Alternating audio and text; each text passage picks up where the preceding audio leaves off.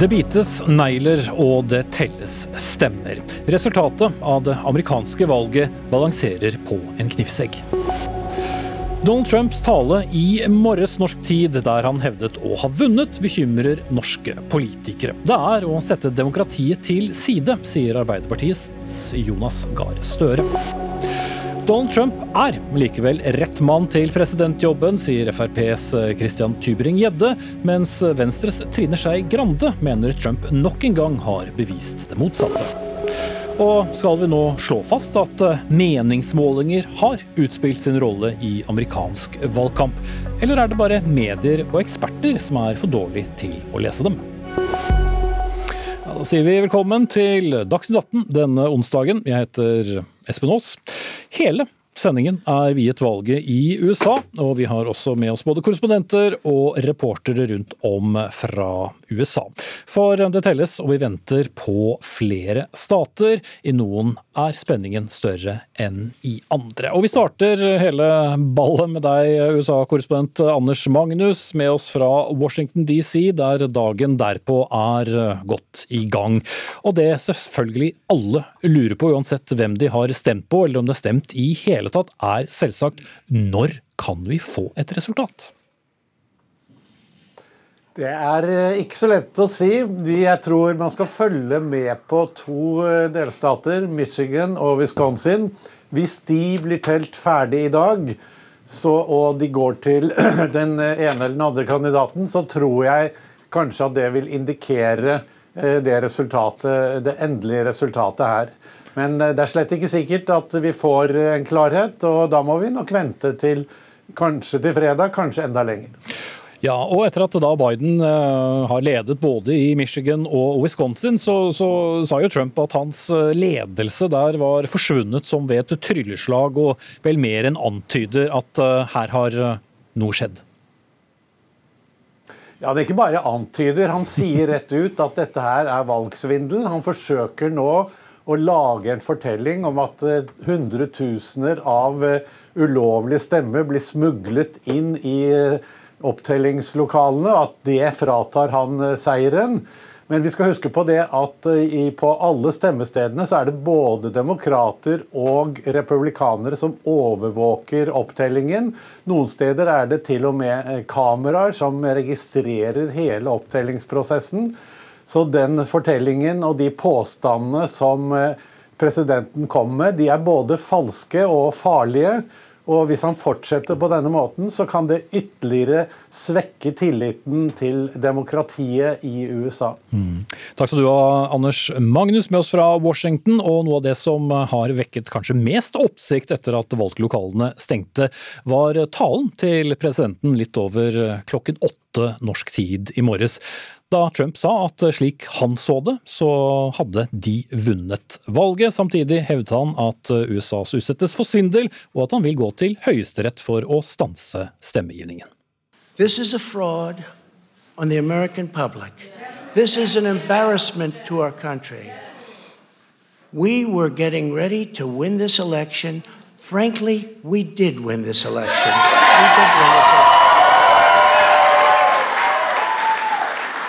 So, our goal now is to ensure the integrity for the good of this nation. This is a very big moment. This is a major fraud in our nation. We want the law to be used in a proper manner. So, we'll be going to the U.S. Supreme Court. We want all voting to stop. We don't want them to find any ballots at four o'clock in the morning and add them to the list. Okay? It's it's a very sad it's a very sad moment. To me, this is a very sad moment, and we will win this. And we, as far as I'm concerned, we already Ja, der skal vi ikke konkurrere om uh, oppmerksomheten, men altså dette var talen der han snakket både om svindel, seier og veien til Høyesterett. Bernt uh, Hagtvedt, professor i statsvitenskap ved Bjørknes eh, høgskole. Er det egentlig Trump sier? Han har jo lenge vært opptatt av konspirasjonsteorier og sett alle mulige sammensvergelser både her og der. Dette er jo en fortsettelse av hans generelle holdning til sannheten.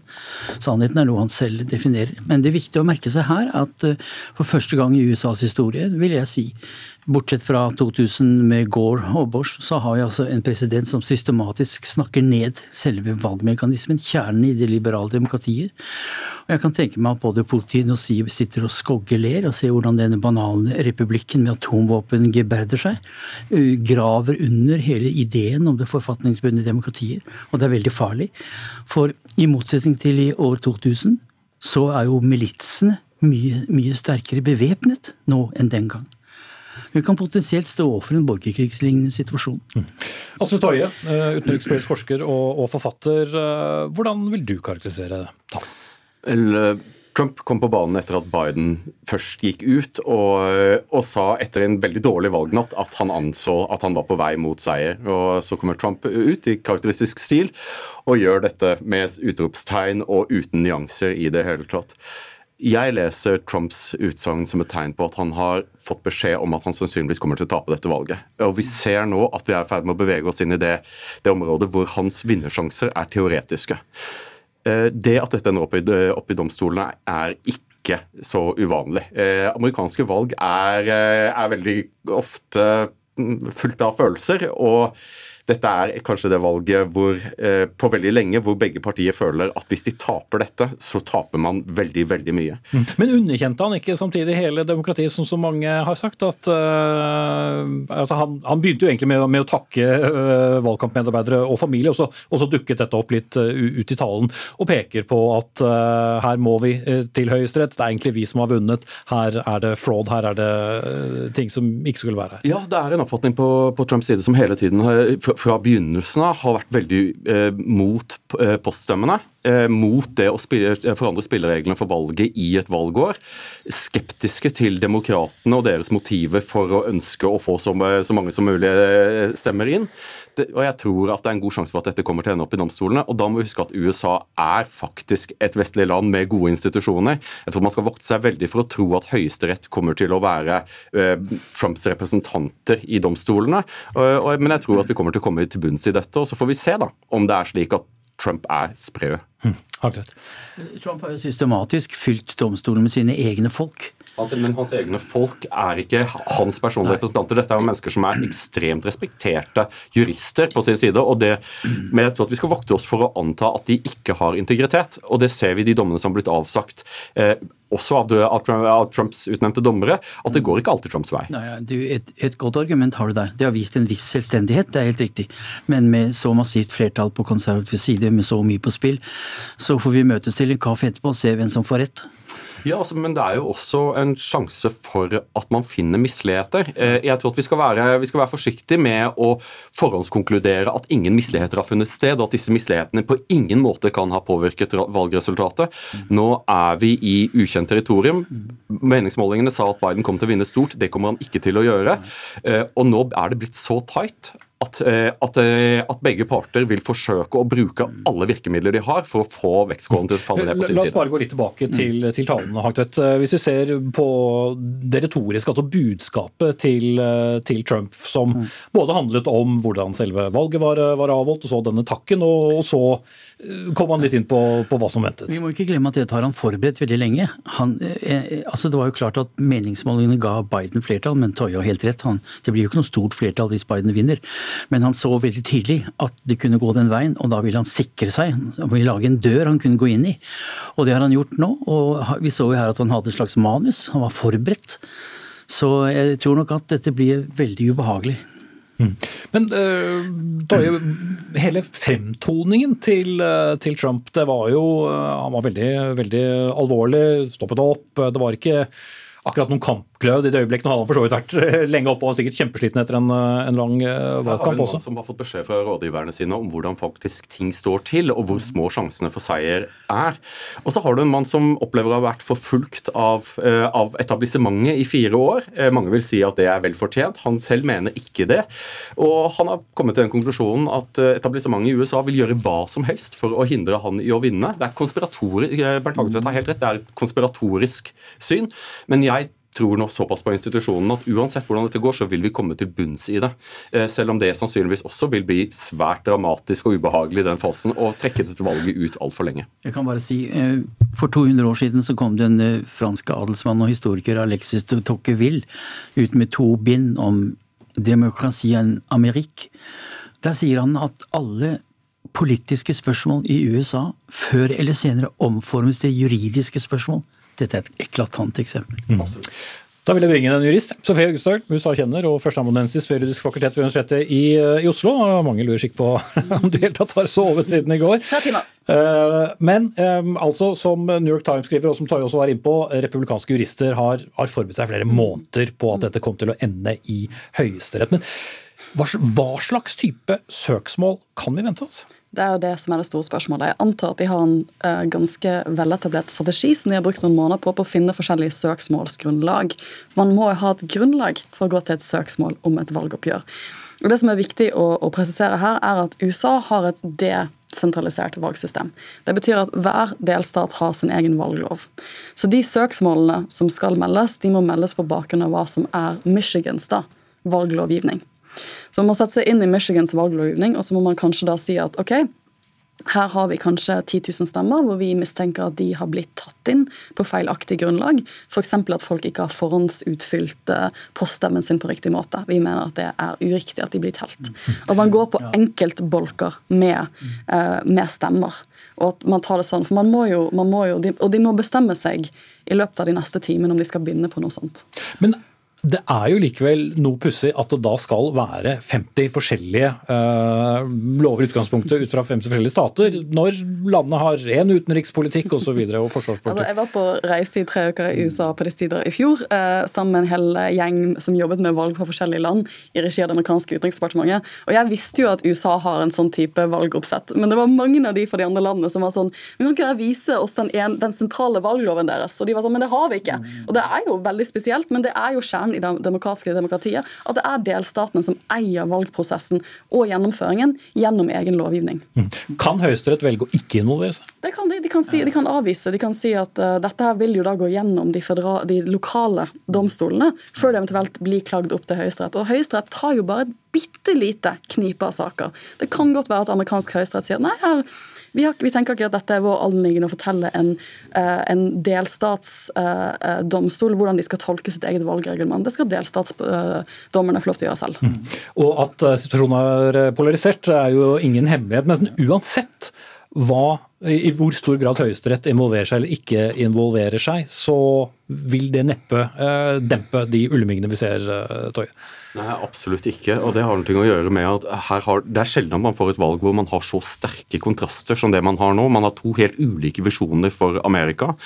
Og for, for Trump så, og hans tilhengere så, så er det en sterk følelse av at de har vind i ryggen. Det er, det er, liksom som den gamle med at hvis du har vokst opp i Bærum, så kan du ikke skjønne hvorfor Arbeiderpartiet styrer Norge, for du har aldri møtt noen som stemmer Arbeiderpartiet. Og slik er det i, i mye av Amerika, så, det, så, står Trump vanvittig sterkt, og demokratene står svakt. Og blant disse så, så vil det fremstå som tilnærmet uforståelig at dette, ikke, eh, at dette ikke lykkes. Og Trump har stått på som tusen for å få dette til, og det vil være et forsmedelig nederlag for han, åpenbart. Mm.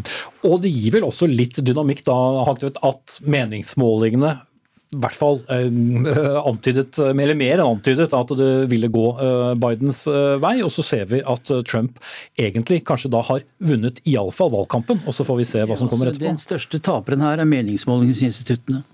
Jeg tror tiden er over hvor meningsmålinger brukes. De kan ikke brukes lenger. De sviktet helt i brexit, de sviktet forrige gang i USA. Og det er ikke bare metodene det dreier seg om, det er antagelig er det pengedrevet at disse meningsmålingene kommer. Og jeg kan ikke se at noe er vunnet ved at de, de oppstår. Vi skal ta meningsmålingen i en egen bolk eh, mot slutten eh, av, eh, av, av sendingen. Men som du ble antydet tidligere, Høgsvold, Trump har jo utnevnt tre høyesterettsdommere. Og i motsetning til våre egne høyesterettsdommere, så er det mange som er veldig opptatt av hva de stemmer. Men de er vel først og fremst jurister?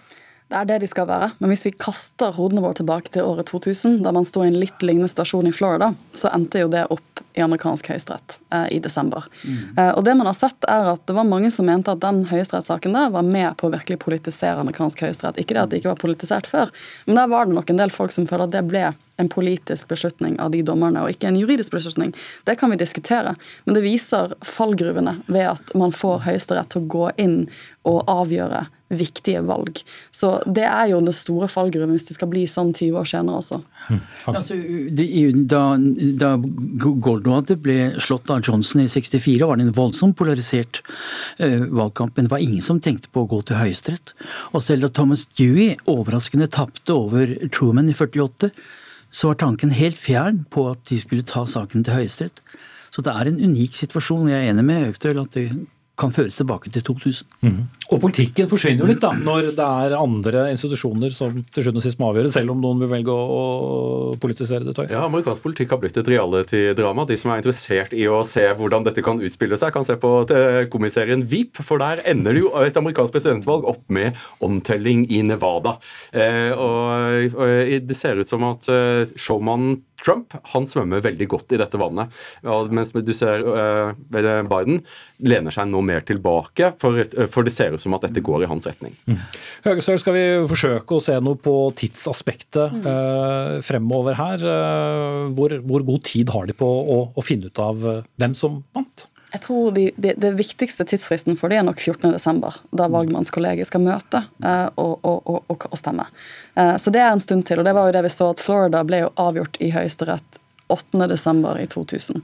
Så det er innen den fristen. Men det er jo litt spørsmålet jeg tror for republikanerne, er at de må finne søksmålsgrunnlag som de tror nok på at de kan stå i det en uke eller to hvis de har lyst til å gjøre det. Men jeg er helt enig med Anders Magnus at det som kan bli avgjørende i kveld, det er om Michigan og Wisconsin nå kommer inn og blir tydelige stater som Biden vinner. For da har Biden en vei til å vinne uten Pennsylvania. For hvis det står på Pennsylvania, da tror jeg at vi er inne i søksmålens dal. Men kan han vinne uten Pennsylvania? Så kanskje vi slipper en del runder i rettsvesenet. Tiden vil vise. Det er, det er jo interessant at uh, internasjonale forhold overhodet ikke spiller noen rolle. Men det er nokså nifst å se at USA, som har vært demokratiets hjemstand siden 1776, oppfører seg på denne måten. Det er dypt uheldig for hele ideen om uh, det folkestyrte demokratiet. Og hva verre er, vi ser nå en urbanisering. Det er en ungarsk utvikling i, i USA. Hvem hadde trodd det? Aldri jeg. Mm. slutt. jeg synes at dette her er en eh, Dette er hvorfor vi elsker demokratiet. Demokratiet klarer å forløse selv utrolig sterke spenninger, der man er rykende uenig på grensen til å bruke vold, og, så, og, så, klarer vi å ha et valg. Og så blir det masse kaos, og forhåpentligvis så får vi et resultat og en legitimt demokratisk valgt leder i vår viktigste, viktigste allierte. Mm. Takk skal dere ha. Han er veldig optimistisk. Takk til uh, Asle Toje, Bernt Hagtvedt og Sofie Høgestøl.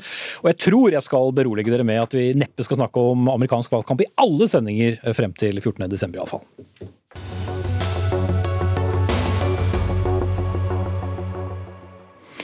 Pennsylvania er nevnt, og det er også neste stopp her i Dagsnytt 18. For Gro Holm, du er i Philadelphia, og altså Pennsylvania, Michigan og Wisconsin. Tre av seks vippestater som vi ennå ikke har noen svar eh, på. Hvordan føles presset der eh, du er? Hvordan ligger det an? Ja, det er helt klart at Delstatsmyndighetene her i Pennsylvania eh, hvor jeg er, føler presset enormt. De hadde en pressekonferanse eh, her for eh, ja, en drøy time siden. Og, og Der kom det fram at over én million av de poststemmene som allerede har kommet inn, i underkant av 2,6 millioner totalt, gjenstår å telle. Dessuten så var det i går slik at det var en 500 000 poststemmer som var sendt ut og som ikke hadde blitt returnert. og Man vet ikke om de har kommet og sluppet eh, stemmene sine i, i disse dropboxene eh, utenfor valglokalene, eller stemt på annen måte. Men det er altså godt over en million stemmer som ennå ikke er talt opp, eh, og, og kan tidligst, de kan tidligst være klare i, i, kveld, ble det sagt. Og det er da slik at eh, Av de poststemmene som er talt opp til nå her i Pennsylvania, eh, så er rundt 70% demokratiske. Hvis og det vet vi ikke, men hvis det slår til eh, på de poststemmene som gjenstår, så betyr det at Biden har en sjanse til å eh, ta Pennsylvania også, hvor, eh, hvor, Trump nå leder med vel 500 000 stemmer. Eh, men dette er altså hvis. Eh, foreløpig så ser Trumps eh, forsprang ut til å være ganske solid. Mm. Du dekket også den forrige valgkampen. Gro Holm, hvor avgjørende rolle tror du Pennsylvania får sammenlignet da med Michigan og Wisconsin? Ja, altså nå, eh, Det er vel sagt her tidligere også at det er ikke sikkert at Biden vil trenge Pennsylvania for å vinne. Hvis han får eh, disse to stemmene i den bitte lille delstaten Maine. Er to, der er det tre valgmannsstemmer i alt, og det fordeles etter forholdstallsprinsippet. Eh, det er bare to stater i USA hvor det skjer. Hvis Biden skulle få to av de, så kan han klare seg da eh, med å ta Michigan og Wisconsin, eh, og uten å ta Pennsylvania. Men, men dette, her er det jo mye usikkert. Wisconsin kan det nå se ut til at han tar. Michigan der er det situasjonen den at det er bl.a. området rundt Detroit Wayne County, Wayne fylke som det heter, som ikke er talt opp, det er et eh, demokratisk dominert fylke. Eh, så det kan se ut at den knappe marginen som, veldig, veldig knappe marginen som, som, Biden har der nå, at den kommer til å øke. Men vi vet jo ikke sikkert. Eh, så det er mulig at, eh, at, Biden også kommer til å trenge Pennsylvania eh, for å, å, å, vinne dette presidentvalget. Men her er jo veldig mye åpent, og som det er snakket mye om her, Trump har varslet rettssaker. Eh, vi vet ikke om Høyesterett kommer til å ta den saken. Vi vet ikke hva som skjer i domstoler lenger ned. Så det er, det er mye åpent her. Mm og mye telling som gjenstår. Takk skal du ha, Gro Holm. Og vi er nå fremme ved det stedet i sendingen hvor vi kanskje normalt sett skulle diskutert hva dette presidentvalget får å si for forholdet til Norge. Men vi har jo ingen erklært vinner, vi har bare veldig mange hvis. Men vi skal eh, snakke med to partiledere fra opposisjonen og en parlamentarisk leder fra et av regjeringspartiene. Og det er også liten tvil om at talen fra i morges norsk tid også vil prege denne samtalen. Arbeiderpartileder eh, Jonas Gahr Støre, ut fra målingene vi har, eh, hvordan tror du det ender? Nei, Det er kommet noen vise vurderinger av det her tidligere. Jeg jeg syns det tyder på at de stemmene som nå teller, uh, vipper i Bidens retning i vippestater, som er avgjørende. Uh, jeg, der jeg sitter, vi er ikke småmann for det egentlig, vil jeg si to ting. Dette ble ikke en veldig klart budskap av valget som man kunne si at dette var det amerikanerne kaller a moral statement. Det ble det ikke.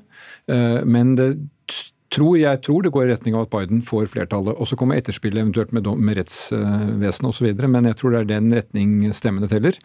Og det kommer du sikkert inn på. Alle stemmer må telles, og stemmer må telle. Det er avgjørende. Mm. Men Audun Lysbakken, leder av eh, SV, hvis vi lurte på om USA var splittet før valget, så forteller vel nettopp denne stemmetellingen at det er veldig splittet også etterpå?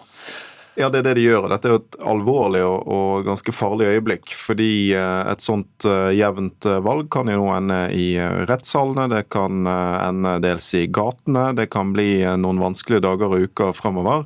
og det viser jo at det amerikanske samfunnet rett og slett er ille ute å kjøre. Dette er et samfunn som over lang tid har blitt preget av vanvittige sosiale forskjeller, voldsom polarisering, og som nå framstår både dypt splittet og med et demokrati demokrati i dyp krise. For det er nødt til å si eh, at det er når eh, presidenten framstår som eh, en udemokratisk bølle med altså, tydelige autoritære holdninger. Det, det, er liksom ikke noe annet å, å si når en så tydelig ønsker å ta valgseieren uten å telle alle stemmene. Mm. Regjeringen hadde ikke mulighet til å stille i, i, studio i dag, men Hans Fredrik Grøvan, parlamentarisk leder i regjeringspartiet Kristelig Folkeparti. Hvor viktig synes du det er om den neste presidenten heter Trump eller Biden? Det aller viktigste nå det er at vi får et, et valg eh, som har eh, legitimitet. Eh, at det blir fulgt de reglene som er, gjelder for opptelling av stemmer. Eh, og så får det bli eh, det resultatet som, som, det tilsier. Det er det amerikanske folket som har vært i, eh, i valg og, og, tatt sine beslutninger. Så legitimiteten rundt selve valget og valgoppgjøret er det aller viktigste nå, sånn at en kan ha tillit til, til det som har skjedd. Og da må jo både alle stemmer telles, eh, og det må være et eh, reglement som er fullt for at en skal kunne ha den nødvendige tilliten. Men det er ikke så farlig om det er Trump eller Biden? Altså det, det, er klart at de er to helt forskjellige politikere. Og, og fra norsk side, sånn som jeg oppfatter det, så har vi jo vært veldig tydelige på at vi ønsker ikke et USA som blir proteksjonistisk, som trekker seg ut av internasjonale klimaavtaler. Eh, som trekker seg ut av eh, WHO. Eh, så, så, det er helt klart at det er viktig at, for Norge at vi får en president som kan innta de posisjonene som verdens største demokrati. Samtidig så vil jeg jo også si at relasjonene mellom Norge og USA har lange og dype tradisjoner. Så de vil ikke være skadelidende om det blir den ene eller den andre. Det tror jeg ikke. Jonas Gahr Støre, om eh, et år så kan det være at det er du som er eh, statsminister. Hvor mye vil det påvirke deg om eh, det fortsatt er Donald Trump som er statsminister, eller om det har vært et skifte? For norsk utenrikspolitikk ligger fast, som dere pleier å si. Ja, det, det tror jeg ikke er et kvalitetstegn. Den skal være i utvikling tilpasset våre verdier og våre interesser. Men en statsminister og en regjering må forholde seg til verden sånn som den er. Kina er på frammarsj, kan ikke ønske det bort eller ikke. Det er en realitet vi må forholde oss til. Og eh, Jeg mener at det er et langsiktig langt forhold mellom Norge og USA. Det er en viktig del. Det er for vår allianse, vår sikkerhet, vår trygghet, historie. Det har lange bånd.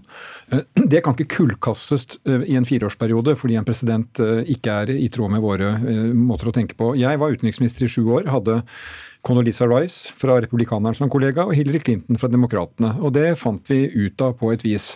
Men jeg er enig med Grøvan at de det verden nå trenger, er ikke et USA som trekker seg tilbake. Vi har en covid-19-krise hvor, som jeg har sagt et par ganger i dag, dette er den første internasjonale krisen jeg kan huske at USA ikke har sagt vi tar lederrolle. Eller vi går iallfall i front for å forsøke å finne internasjonale løsninger. Det er jo en katastrofe i USA. Det er drept flere mennesker i denne uh, smitten enn det gjorde under annen verdenskrig. Så det er svært. Men når det er sagt, så tenker jeg at eh, det er slik norsk utenrikspolitikk må være. Vi må være tydelige, vi må si fra. Vi må si fra i dag når vi har en president som står og sier at stemmer ikke skal telle. Det er helt utafor. Eh, og vi må kunne være e- uenige også på felter som klima, nedrustning, WHO. Men så er det jo slik at derfra til å si at vi nå skal liksom vende ryggen til et USA hvor vi har en president hvor vi kan ha uenigheter, det mener jeg ikke. Vi må klare å håndtere det og gi uttrykk for det vi står på Eh, på, på, på, klar måte. Og Det er jo to ting. Det er Norge og USA, og det er Norge i verden hvor USA også er. Hvordan vi da skal jobbe med Europa og andre for å påvirke det internasjonale samarbeidet. Mens du Audun Lysbakken, skulle gjerne sett uh, litt færre bånd til eh, USA. Altså, nå må vi ha for Norges skyld en realistisk debatt om hva det er vi står overfor. For det, det, Dette valgresultatet viser oss uansett hvem som vinner. Eh, det er jo at USA er varig forandret. Det er altså en betydelig del av det politiske systemet og velgerne som er villige til å slutte opp om systematisk løgn, forakt for demokratiske spilleregler. Det vil fortsatt være et betydelig trykk for eh, å vende ryggen til internasjonalt samarbeid. Mange av de tingene vi har sett de siste fire årene, vil også være en viktig viktig faktor i amerikansk politikk fremover. Det er et splittet, mer uforutsigbart land. Eh, og vi hadde jo tilløp til en debatt om dette allerede for fire år siden, eh, men så forsvant den. Eh, og både regjeringen og de fleste partiene på Stortinget gled på en måte tilbake i den utenrikspolitiske vanetenkningen, sånn at Norge jo faktisk egentlig på mange måter har knyttet seg nærmere til USA militært og politisk de siste fire årene. Og det er altså helt nødvendig at vi nå tar en ærlig diskusjon om dette. Og ja, eh, vi mener eh, at eh, dette er et veldig sterkt argument for at Norge må bli mindre avhengig av USA. Men hvor reelt er det at en sånn diskusjon vil komme opp i en regjering? Enten den Nei. fortsetter å være Høyre-dominert, eller om det endres? Jeg er jo for at vi skal ha åpnere diskusjon om det. I min tid som utenriksminister så forsøkte vi å si at diskusjoner om norske interesser måtte vi ta åpent. Det skulle ikke være denne lukkede rom-holdningen, og det mener jeg vi kan fortsette med. Men jeg, jeg, jeg vil si at det er en realitet at Norge der vi ligger, geografisk, de naboskapet vi har, er tjent med en atlantisk allianse. Der skal vi kunne diskutere sikkerhetspolitikk og utenrikspolitikk, og vi kunne ha forsvarsforsikringer. Så vil disse landene, 6-27 av dem, forandre regjeringer litt frem og tilbake. Det må vi håndtere og kunne si fra om. Men jeg vil holde fast på at det er i Norges interesse at det er sånn. Så tar vi gjerne diskusjonen, men, men det kan jo ikke være sånn. Det er jo i internasjonal politikk at hvis et land får redusert betydning, så fylles det vakuumet av noe annet. Så hvis du skal kutte båndene til USA, mindre betydning for sikkerhetssamarbeidet, så må du peke en annen retning. Slik, slik er verden. Og Der er jeg tilhenger av å opprettholde dette, særlig med vekt på det vi har i Nato, i den alliansen hvor vi er flere, og flere som tenker uh, også nærmere det vi gjør, og så kunne påvirke det. Nå får vi se om, om noen dager så kan hende at det er en annen president enn vi har hatt de siste fire årene. og Da tror jeg vi gjør klokt i å ha mange kontakter, posisjonert oss godt til å ha samarbeid med det amerikanske samfunnet på så mange felt hvor vi har kontaktpunkter den veien. Mm. Hva mener du, uh, Grøvan? Burde vi endre vårt forhold til uh, USA dersom uh, Trump blir gjenvalgt? Fordi at, som både du har uttrykt og, og, og Lysbakken og til det Støre, vi har noen åpenbare uenigheter. men amerikanerne må nesten få velge president selv. Ja, de, de må det, men uh, her syns jeg en må se på de lange linjene. og Jeg deler uh, Støres uh, resonnement her. Altså, Hva er det som knytter Norge til USA? I den forsvarspolitiske alliansen f.eks. Det er jo Norges posisjon. Vi er helt avhengig av et samarbeid med en stormakt. og Som en også en garantist for, for det Nato-samarbeidet som har vært etablert som grunnlaget for tryggheten for, for Norge i all etterkrigstid. Så Det er de lange linjene som jeg mener vi må legge vekt på. og Så blir det en president i en periode, og så blir det en annen i, i en annen periode. Men for Norges del Man rekker å gjøre mye i løpet av fire år, da.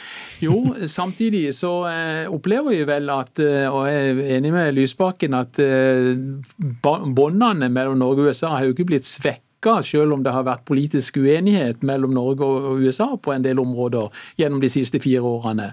Så det forteller noe om eh, hvor dypt disse båndene sitter.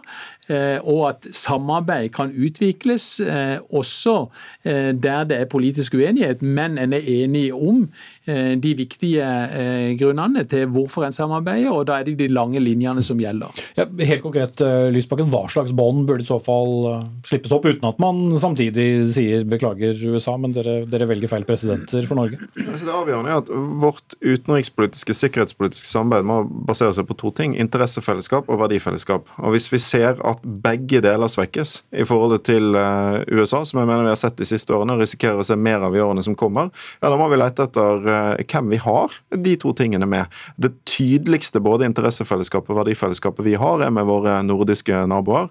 Eh, vi ønsker en tydeligere nordisk forankring av norsk sikkerhetspolitikk. Og så må vi huske på at dette er ikke bare heller et spørsmål om hva vi ønsker oss fra norsk side, men også om å se hvor USA er på vei hen.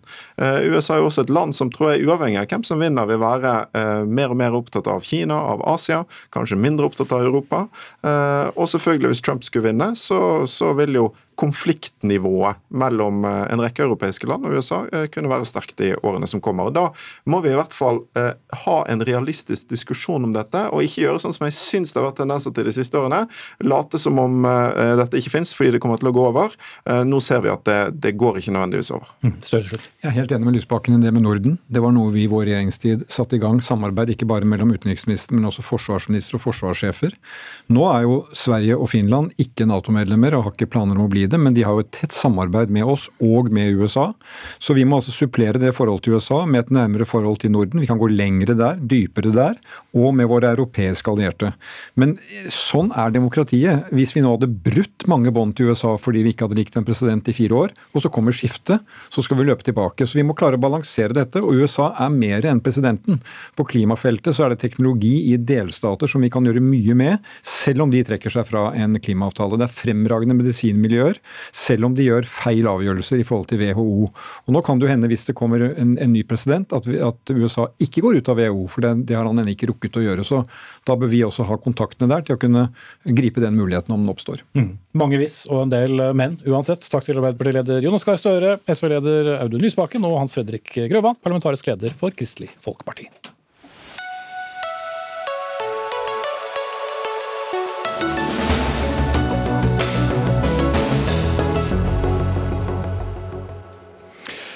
Hadde meningsmålingene vært til å stole på, så hadde vi kanskje sittet her og snakket om at eh, Joe Biden vant valget, slik det så ut som Hillary Clinton skulle velge i 2016 da hun tapte solid for Donald Trump. Og vi sitter altså nå med en opptelling så jevn at ingen tør å si hvem som har vunnet. Så skal vi snart slutte å snakke om meningsmålinger i amerikansk valgkamp, slik enkelte har sagt tidligere i denne sendingen.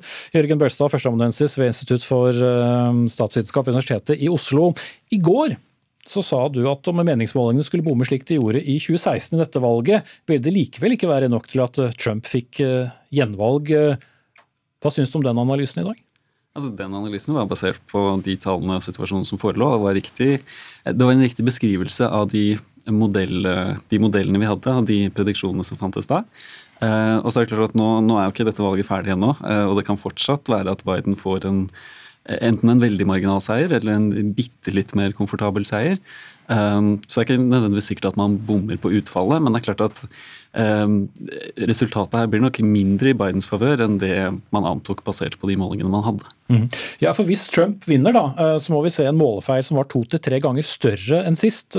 Sa du for også i går. Så hvis Trump vinner, hvordan kan meningsmålingene ha bommet enda mer enn sist? For det var så mange forsikringer om at uh, nå nå var det riktig? Ja, altså mye skulle jo være bedre i år. Én eh, ting var at man hadde langt færre ubestemte velgere. Eh, sist så var det jo en forklaring på problemene sist var at man hadde mange som ikke hadde bestemt seg. altså Kanskje den siste uka så bestemte de seg for Trump allikevel, og det kunne man ikke så lett fange opp.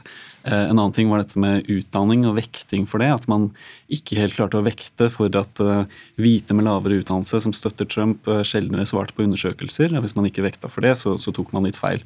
Og Det er også noe man prøvde å gjøre bedre denne gangen, å vekte for dette. Så hvis du vil ha én teori på hvorfor det likevel kan ha gått galt, så er det klart at det generelle problemet her er at man aldri klarer å få alle til å svare, så man har ingen perfekt uh, sannsynlighets, uh, et, et, sannsynlighetsutvalg, sånn som man vil.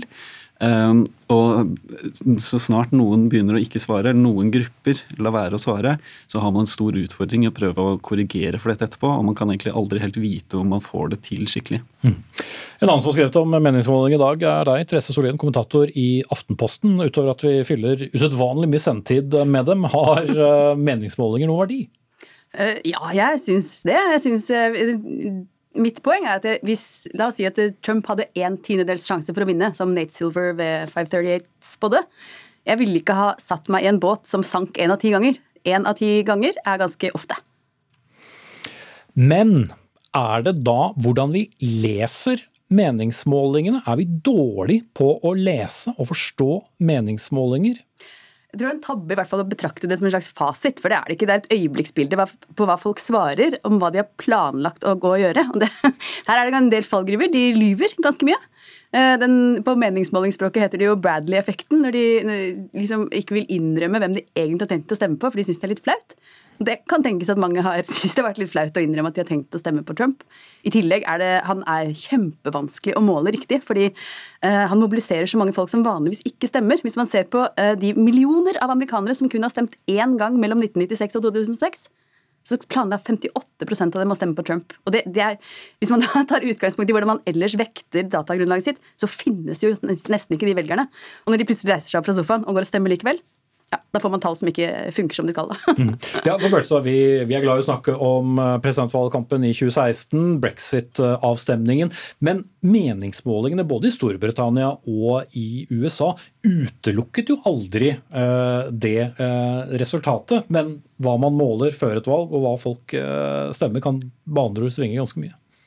Ja, det kan det selvfølgelig. Uh, og altså, som det du spurte om i stad, så tolker vi målingene feil. Eh, det gjør vi jo til en viss grad. Særlig når vi ser på enkeltmålinger, så undervurderer vi usikkerheten. Eh, men hvis vi ser på 538, eh, som er kanskje den modellen vi har brukt mest, de fleste av oss, også her i NRK, så er det klart at de burde klare å modellere usikkerheten på en god måte. Så hvis de tar feil, da, da har de gjort en dårlig jobb med modellen sin. For da er det skjevheter som de ikke har klart å fange opp. Mm. Men man kan jo aldri ha, som du selv sa, eh, den perfekte meningsmåling. Da må du snakke med over 300 millioner eh, amerikanere da, og vite at det er faktisk det de har uh, tenkt å stemme. Men er det det samme som at vi må gi dem mindre plass, meningsmålingene? Jeg tror ikke det. Det er klart, det, det kan man jo debattere. Men jeg tenker at Altså Det viktige er jo hvordan man bruker data. Eh, og Hvis det nå viser seg at det er skjevheter i meningsmålingene som man ikke visste var der eller ikke klarte å korrigere for, så kanskje man må utvikle bedre modeller for å fange opp de typer skjevheter og korrigere for dem. Mm. Og man kan jo eh, stille spørsmål til Therese Solli. Nå har jeg forstått gjort det i dette studioet også, med historikken i USA, med historikken i, i, i, Storbritannia. Så er det jo blitt rart at vi igjen og igjen velger å bruke for det første så mye tid på meningsmålingene, eh, og dernest å tolke dem på akkurat samme måte. Ja, det kan du si. Det er jo eh, hvis man, du, altså, hvis man skulle ha vektet annerledes og korrigert for alle disse tingene som, som kanskje gikk galt denne gangen, så sitter man igjen med ganske svakt datagrunnlag. Da. Hvis man ser på for hvordan man innhenter store mengder av de dataene som går inn i de meningsmålingene. I USA så er det sånne eh, automatiske oppringninger som ringer da til fasttelefoner. det er, det er Ikke, I 2020. Det er, det er ikke så veldig mange som verken har fasttelefon eller har lyst til å svare på disse undersøkelsene. Det er også et problem for de meningsmålingene at de som er interessert i å være med og svare, de er over gjennomsnittlig opptatt av politikk. Og blant dem så er det en stor overvekt som stemmer på demokratene. Så det, det gir også en slags kunstig fordel til Biden. Men uh, hvorvidt vi skal uh, jeg synes, Det er jo stor underholdning i det. Faren er kanskje at hvis man tenker at her har vi fasiten, og så ser man at Joe Biden leder masse, og man vil at han skal vinne, kanskje man ikke gidder å gå og stemme. da. I så fall så legger man for mye vekt på meningsmålingene. Mm. Men det er jo eh, veldig mye ære i det. Altså, det finnes jo store meningsmålingsbyråer som uh, går konkurs fordi de taper feil. Så man vil jo sett for seg at de forbedrer metodene sine og ikke forholder seg til fasttelefoner og altså utvalgene som, som, velges. Ja, altså det er klart de, de gode undersøkelsene nå skal jo supplere lister av folk med fasttelefon med mobiltelefoner og skal prøve å dekke befolkningen. De, de prøver jo på det. Eh, men som nevnt, altså, det grunnleggende problemet her er at så snart man ikke kan garantere at man når ut til alle, så betyr det det er grupper man ikke når. Man kan ikke vite nøyaktig hvem man ikke når, og man kan ikke vite når man har korrigert perfekt for dette. Så det vil alltid være en risiko for at det blir litt feil. Mm. Men er USA og Nord-Amerika vanskeligere å, dekke opp med meningsmålinger enn andre steder? Er de så uforutsigbare? Du har jo bodd der selv, eh, Therese Solien. ja, altså, vi kan jo bruke Florida som eksempel. Der spådde Nate Silver at det var en tredjedels sjanse for at eh, Trump kom til å vinne. Og så gjorde han jo det. Men noe som skjer én av tre ganger, det skjer jo ganske ofte. Mm. Så da syns jeg ikke det var så gærent. Nei. Som du stilte som spørsmål i slutten av kronikken din i dag. En båt som synker én av ti ganger. Ville du tatt den? Nei, slett ikke. Nei. Takk skal dere ha begge to. Therese Solien, kommentator i Aftenposten, og Jørgen Børstad, førsteamanuensis ved Universitetet i Oslo. Og så må vi oppdatere oss på tingenes eh, tilstand igjen, og vi fortsetter til våre medarbeidere i USA. Og nå skal vi til Miami i Florida, Anders eh, Tvegård, hvor eh, det er avgjort. Men det, selv om det gikk Trumps vei der, og fikk flertall og 29 valgmenn, så er jo spørsmålet hva Florida tror om veien videre for Trump. Senator Marco Rubio er jo en ledende stemme, republikaner her i Florida. Han sier at alle stemmer må telles eh, opp eh, for å være gyldige før man kan erklære en seier. Det at eh, Trump vinner med tre prosentpoeng her i Florida, det er en brakseier. Fordi dette er en jevn og viktig og den største vippestaten av dem alle. Så Trump har klart å utvide velgerbasen her og, og vunnet med flere latinos-stemmer enn han vant Florida totalt totalt i, eh, med i 2016. Så, så, dette ser ut som et, et godt håndverk der. Men veien, eh, veien, videre er jo eh, det at ingen har tatt Trumps side her ennå, som altså vil gå rettens vei for å få stanset tellingen av poststemmer f.eks. De av våre publikummere som ser denne sendingen på TV, ser at eh, det under bildet av oss to nå, Anders Tvegård, har eh, stått at det har blitt skapt ny usikkerhet rundt eh, Arizona, der Joe Biden tidligere ble utnevnt til vinner. Der er det rett og slett en ganske grov feil som har skjedd? Ja, Det er, har vært en feil i datastrømmen til et analysebyrå som har vist at tallet på opptelt opptalte stemmer har vært mye større enn det det var, så nå er det nedgradert igjen til 86% av stemmene. Når det er sagt, så er Arizona erklært Biden-stat av både Fox News og Associated Press. Ingen av disse har tatt tilbake den erklæringen ennå, og Biden ligger fortsatt foran. Men det er klart, da gjenstår det jo 16 eh, Det gjenstår da 14 av eh, stemmene å, å telle opp. Så, så, det er mulig at eh, Arizona fortsatt er i spill. Det kan være en, en nøkkelstat på Bidens vei mot Det hvite hus, og, og, selvfølgelig også for Trump. Altså for begge kandidater, for å si det veldig kort. Takk skal du ha, Anders Tvegård.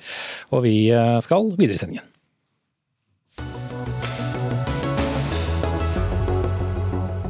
For eh, spørsmålet amerikanerne først og fremst kanskje har tatt stilling til, er hvem er rett mann for jobben med å være verdens mektigste i de neste fire årene. Meningene er jo som kjent veldig delt på, på, midten, både i USA, men ikke minst utenfor, som vi bl.a. har hørt gjennom deler av denne sendingen. Men Donald Trump han er riktig mann for jobben, mener du Kristian Tybring-Gjedde, andre nestleder i utenriks- og forsvarskomiteen på Stortinget. Hvorfor bør Trump vinne? Fordi USA og Vesten, og den vestlige verden og de vestlige demokratiet trenger en sterk leder i USA. Eh, USAs interesser er også Vestens interesser.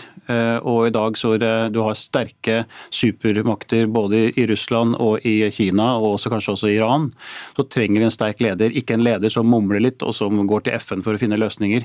Donald Trump er kontroversiell, han sier mye rart og han eh, tvitrer mye rart, men han er sterk leder. Og han er ikke politiker, han er ikke diplomat, han er forretningsmann. Han gjør det som er riktig for USA, og det tjener vi på. Mm. Trine Skei Grande, stortingsrepresentant for Venstre. Du står på kjøkkenet i dag tidlig i, i åttedraget da vi hørte denne talen vi har vært innom mange ganger. Du sa du fikk frysninger på ryggen? Jeg må innrømme at jeg tenkte at her står jeg og hører en leder av et et vestlig demokrati som holder en sånn type tale som jeg mener hører hjemme i andre tider. Og jeg tenk, fikk ordentlig frysninger på ryggen og tenkte dette hadde jeg håpa at jeg aldri skulle få oppleve. Å høre en sånn tale som undergraver hele det demokratiske tankegangen og tilliten, som har så manglende forståelse for hva ledelse er. Ledelse det er å også sette kultur, bestemme hva, hvilke verdier det er samfunnet skal bygge på, og at de verdiene skal man strebe seg om skal, skal favne flest mulig. Eh, det å være snurt liten guttunge på, som står der og nærmest er fornærma eh, på, på velgerne, det syns jeg virkelig ikke hørte hjemme en, eh, for en, en, så viktig stilling som dette er. Det syns jeg var ekkelt å høre på. Mm. Hva tenkte du, Tybring? Nei, Jeg tenkte vi hadde det samme, men det må skille mellom snørr og barter. For ditt spørsmål til, til, meg var jo hvorfor jeg mener Trump er å lede USA og lede Vesten som den største sterk eh, supermakt. Eh, det, det Trump, det talen til Trump den syns jeg var veldig underlig, og ikke minst kom på et veldig underlig tidspunkt. For at det, ingenting, for det var ingenting avgjort, og det er det for så vidt ikke ennå. Og tidspunktet var jo helt meningsløst. altså En sånn tale så prøver de å takke de som har vært med i staben. Han begynte jo der men så jeg der, så plutselig så, så sint og, og, sur ut at han hadde, og det skjønte jeg ikke, og hadde ikke grunn til å være det. Eh, og så kom disse, disse, disse utsagnene som jeg er helt enig med, med Trine i, at jeg syns det var helt uh, hårreisende. Du må respektere de reglene som er, ikke finne på nye regler underveis. Og hvis du mener reglene er gale, så får du begynne til neste valg, da finne hvordan du skal endre det slik at de blir mer rettferdige. Men det er en helt annen diskusjon. Så, uh, ja, vi, kan, vi, kan, ta tak i det du, du sier for Trine Skei Grande. Er, er, Joe Biden en, en sterk leder som uh, drar USA videre? Altså, jeg tror at Det jeg og Kristian er uenige om, er at jeg mener at vi skal ha et sterkt USA. Jeg vil gjerne at det er et demokrati i Norge, et, i verden, et svært demokrati som er en ledende makt. Jeg er glad i USA, jeg er glad i Nato, jeg er glad for at vi har USA på vårt lag. Men da vil jeg jo ha et USA som da bryr seg om de internasjonale spillereglene. Ikke som melder seg ut av Parisavtalen, men som faktisk prøver å være med å påvirke og være med å utvikle. Ikke melder seg ut av Verdens helseorganisasjon når vi er i en pandemi. Ikke nekter å lage handelsavtaler mellom land, men prøver å øke barrierene mellom land. Jeg er liberaler. Jeg tror på handel mellom land. Jeg tror det skaper velferd. Jeg tror det er med på å utvikle verden. Det viser all forskning og all politisk teori. Og jeg syns at vi har her en politisk leder som ikke som stenger USA fra omverdenen, nekter å ta lederrollen som de burde ha gjort på så mange internasjonale felt, men heller bare har gamle slagord om sitt eget land, og ikke bryr seg om at de er et svært demokrati som må lede. Nå må du følge med i tiden. for at uh, Hvis du vet hva Trump har drevet med, så har han faktisk drevet med å lage tre store handelsavtaler for USA og åpent marked og tatt arbeidsplasser tilbake til USA. Det gjelder Mexico, det gjelder Canada og det gjelder Kina, ikke minst. Dette er viktig for amerikanere, og det er viktig for verden at USA markerer seg på denne måten. Så å si at han ikke er engasjert i det. Midtøsten-avtalen er annet, et annet område. Press på Nato er et tredje område. Da fikk Nato-landene til å betale mer for sitt eget forsvar. Det skulle da bare mangle. Og når han truer med å trekke eh, USA ut av Nato, så skvatt mange europeiske ledere, for de er vant til at USA finansierer Nato. Det gjør de ikke lenger, og nå må til og med Norge bidra med de to prosentene vi har lovet i mange mange år. Så det er ikke sånn at han trekker seg ut av, han seg ut av det han mener er eh, unødvendig, f.eks. Parisavtalen, f.eks. WHO, som han mener er styrt av Kina. Og du skal ikke ta helt bort fra at den er ganske styrt av Kina og WHO. Ja, men det er jo det, Da vinner jo Kina, da. Når USA går ut, så er det jo Kina som får styre, da. Istedenfor å ta opp kampen og ønske å være et demokrati som skal være med inn i de internasjonale strukturene. Hvis du er uenig i Parisavtalen, ja da må du være med å endre Parisavtalen, da. Ikke gå ut av alle de, de avtalene som er. Det vi ser nå i en internasjonal verden, er at vi ser at de store diktaturene vinner fram. Kina blir sterkere og sterkere, mm. Russland blir sterkere og sterkere. Da hadde jeg ønska at USA ønska å bidra internasjonalt. Da hadde jeg, da hadde jeg ønska en leder leder for USA, som var liksom leder for den vestlige demokratiske verdiene. Og så isteden så får vi da en leder som som disser demokrati og nekter å være med på internasjonale avtaler. Det er han først og fremst leder for USA, og ikke ja, USAs interesser er også Vestens interesser. Det er, sånn, det er en, jo, visst er det det. Det er En feilkobling hvis du ikke forstår at USAs, USAs interesser i Midtøsten er også Norges interesser i Midtøsten. Hvis du ikke skjønner, ikke skjønner sammenhengen her med de demokratiske og vestlige verdiene, og du sier at de skal bidra Du kan ikke drive den demokratiske globalismen som du er opptatt av, når du skal fronte eh, Putin eller du skal fronte Xi. Det nytter ikke å si at du har hatt et stort FN FN-verk for å motarbeide ledere som gir blaffen både i demokratiet og de gir blaffen også i samarbeid. Da må du ha en sterk leder som instinktivt reagerer mot den type form for press og sier at gjør du det, ja vel, så kan du bare glemme noe annet. Så skal du få unna, ja, poenget er at Norge er et lite land. Vi har behov for at internasjonale regler og spilleregler og avtaler holdes. Og Da trenger vi et stort Amerika som er på lag med å holde de internasjonale avtalene. Nå trekker de seg unna, trekker seg ut, og vi ser at det er de store diktaturene som vinner fram i, i global politikk. Vi blir hersa med av Kina, vi blir hersa med av Russland, fordi at vi har et USA som er mer opptatt av USA enn å være opptatt av å være på lag med de vestlige demokratiene. Noen klare uenigheter, men også noen enigheter. og Så får vi se hvem som eh, får eh, den kandidaten de hopper på når de er ferdig. Takk til Christian Tybring-Gjedde fra Fremskrittspartiet og Trine Skei Grande fra Venstre.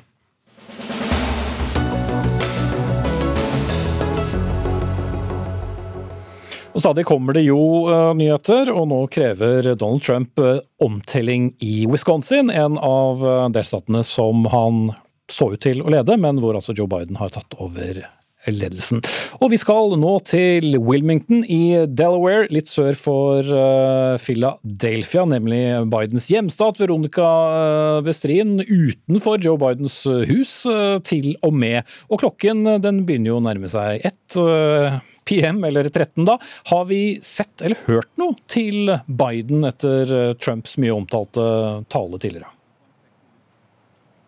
Ikke fra han sjøl.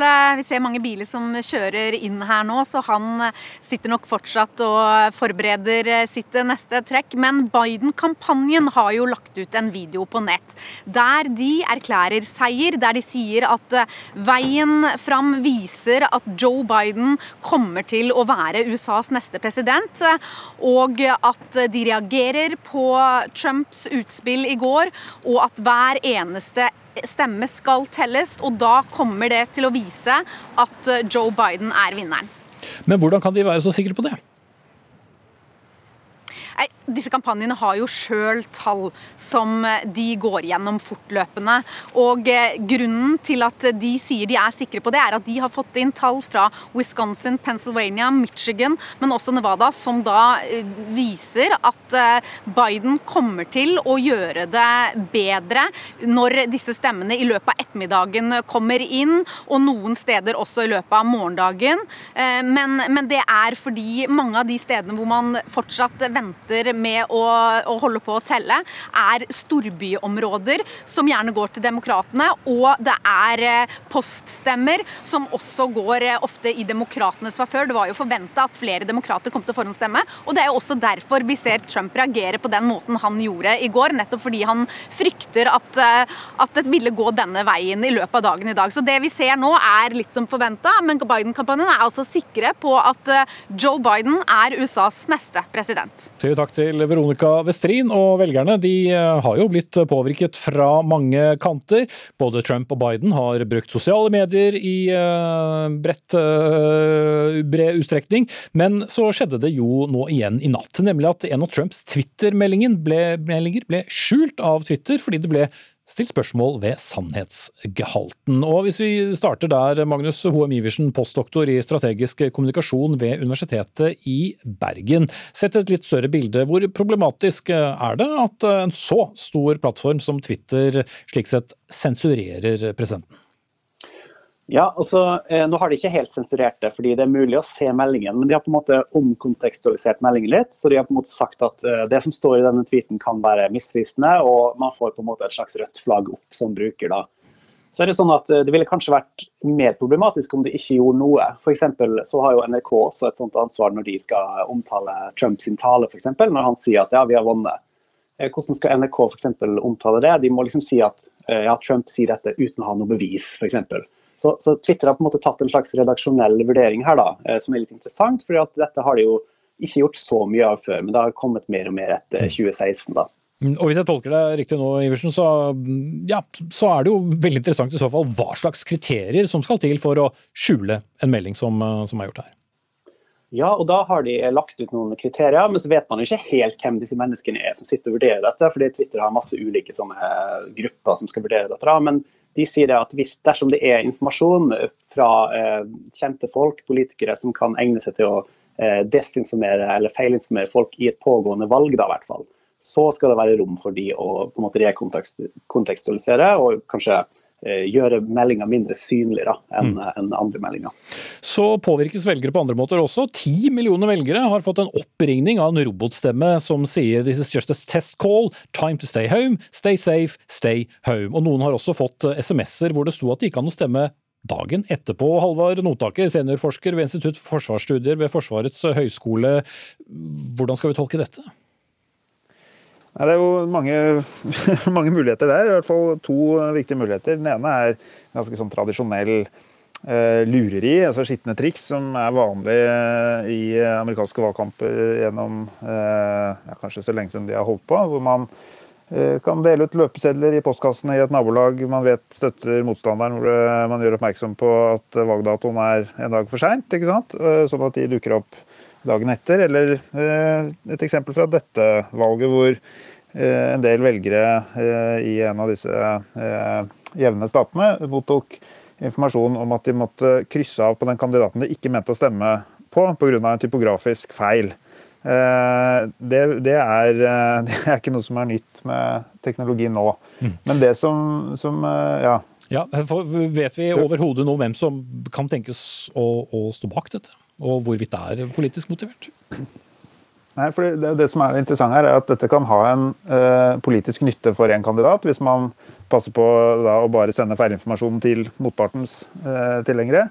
Men dette er jo også noe som kan utnyttes av eh, f.eks. en stat mot en annen stat, hvis man ønsker å eh, spre mistillit til valgsystemet eller å skape mistillit mellom mennesker eller, eller generelt frykt. Uh, F.eks. da sånn som disse ti millioner samtalene, eh, da tyder jo det på at det er noen som er interessert i at veldig mange mennesker skal eh, opptre på en annen måte. og dermed, altså, Det kan jo etterlate et ganske stort avtrykk. da. Må sette strek der. Takk skal du ha, Halvard Notaker. Det eneste som er helt sikkert, er at USAs neste president er en herre langt forbi norsk pensjonsalder, skal vi si det sånn. Ansvarlig for denne sendingen, Dag Dørum, Hilde Tosterud tok seg av det tekniske. Jeg heter Espen Aas, og det blir bred dekning av dette utover kvelden på NRK1. Det starter med Dagsrevyen om ett minutt.